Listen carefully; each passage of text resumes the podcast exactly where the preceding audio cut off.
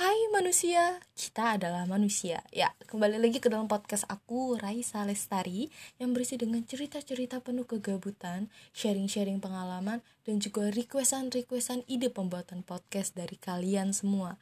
Dan gak lupa dan tidak pernah lupa, aku ingin selalu bertanya, apa kabar kalian semua yang sedang mendengarkan podcast aku ini? Semoga kalian bahagia-bahagia terus dan selalu tersenyum. Serta jangan galau-galau dan jangan sedih-sedih untuk cewek, untuk cowok, pokoknya jangan pernah overthinking ya.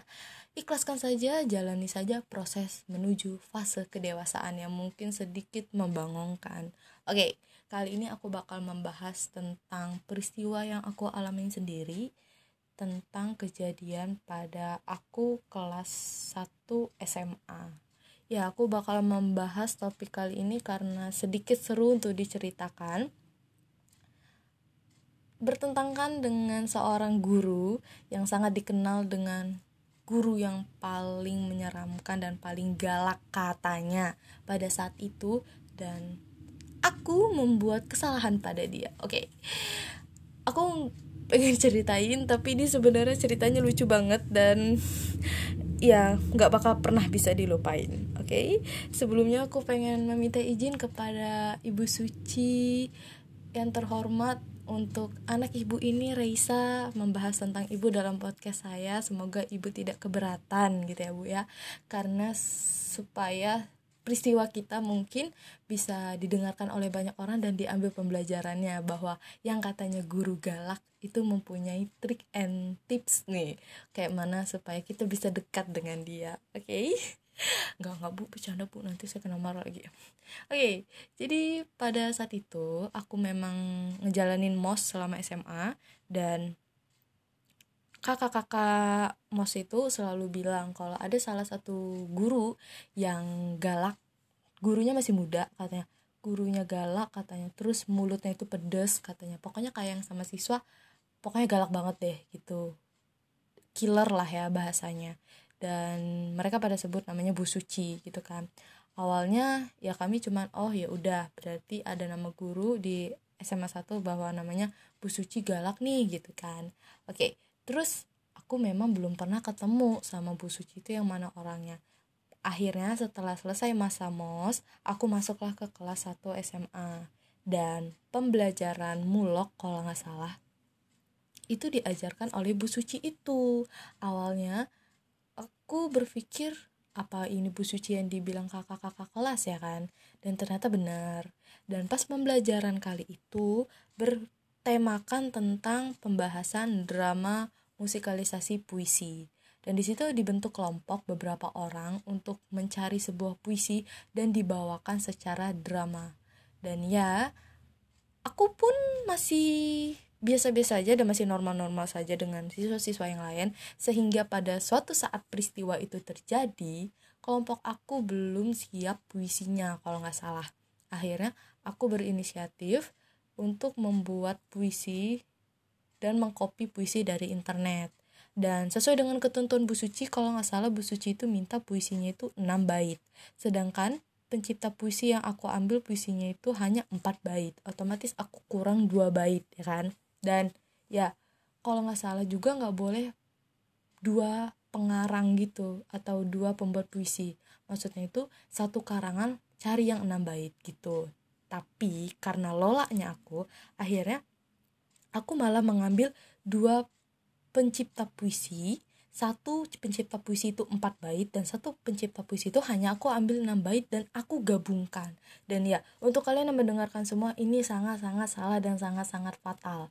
Karena apa? Pertama aku tidak menghargai proses pembuatan puisi dan juga aku tidak menghargai si pencipta puisi asal memotong puisi dia asal menggabungkan dengan label supaya tugas aku selesai. Ya ini sangat salah banget dan semoga kalian bisa mengambil pembelajaran kali ini. Kalau kita harus bisa menghargai karya orang lain walaupun itu hanya mungkin puisi yang kalau kita pun mencuri atau mengambil tidak akan ketahuan sama penciptanya. Tetapi alangkah baiknya kita untuk belajar menjadi orang yang beretika dan tahu tata krama bahwa kadang kalau memang kita tidak dilihat orang lainnya tersebut, tapi kita bisa mengambil sikap dengan yang benar dan bijak. Oke. Akhirnya tugas sudah terkumpul tapi Bu Suci tahu kalau aku memanipulasikan puisi itu dan akhirnya Bu Suci marah sama kelompok aku. Dan aku merasa paling bersalah banget karena memang aku yang paling salah daripada kelompok aku. Karena memang aku yang mengerjakan puisi tersebut gitu kan. Walaupun kelompok aku eh, kena marah juga tapi aku yang ngerasa paling aku paling kena marah banget karena memang aku yang ngerjain gitu kan. Oke. Setelah itu akhirnya karena aku sudah takut dengan label Bu Suci yang killer aku akhirnya bingung harus kayak mana dan aku sampai aku sampai nangis bukan mau nangis lagi aku udah nangis. Terus akhirnya di situ aku belajar memberanikan diri untuk bisa mengakui kesalahan memperjelaskan kesalahan dan juga meminta maaf. Dan aku akhirnya ngejar Bu Suci tuh kelas aku kan di atas tingkat aku ngejar Bu Suci. Tuh Bu Suci tuh masuk kayak ke dalam suatu ruangan gitu dan dia nggak mau bukain pintu aku nggak tahu dia tuh denger apa nggak pokoknya. Tapi aku tuh ketok-ketok terus gitu. Dia nggak mau bukain pintu. Akhirnya 10 menit atau 5 menit gitu ya. Akhirnya dia baru bukain pintu. Terus pas aku masuk dia tuh langsung kayak pakai headset lagi gitu loh. Pokoknya kayak lu tahu nggak sih kayak lu tuh dicuekin gitu? Hmm gitu kan. Eh greget gitu ya. Tambah aja tuh di situ kayak panas dingin. Pokoknya kayak latihan ujian mental gitu kan.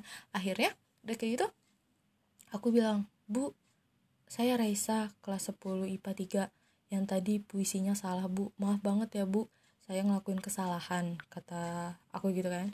E, saya pengen memperbaikinya bu. Saya bakal print ulang lagi dan saya bakal cari pencipta puisi yang memang karyanya langsung nambahin.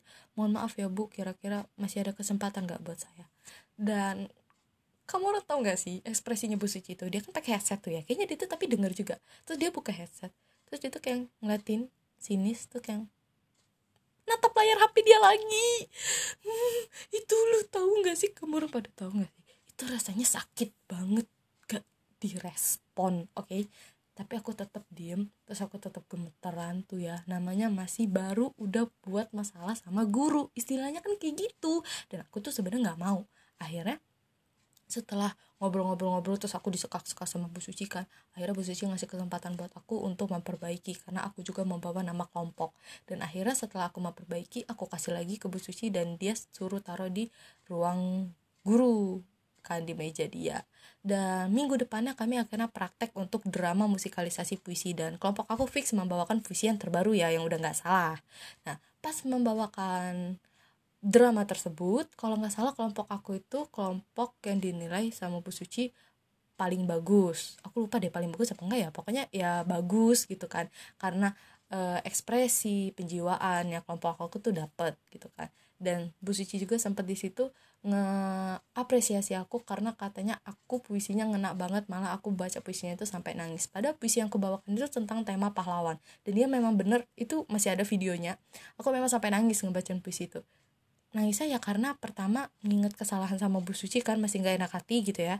Dan juga memang puisinya ya aku merasa aku harus menjiwai aku harus nunjukin ke Bu Suci kalau aku bener-bener ngerasa bersalah dan gak mau ngecewain dia lagi. Dan mungkin dari situ koneksi antara aku dan Bu Suci akhirnya terbangun dan tercipta. Sehingga Bu Suci akhirnya mempercaya aku untuk ajang-ajang kompetisi dalam puisi. Ya itu sih sebenarnya awal mulanya aku untuk dekat dengan seorang guru killer itu karena itu. Dan ternyata Bu Suci juga menyadari bahwa aku mempunyai bakat e, di bidang puisi di bidang sastra gitu kan. Sehingganya aku akhirnya banyak banget komunikasi dengan dia gitu kan.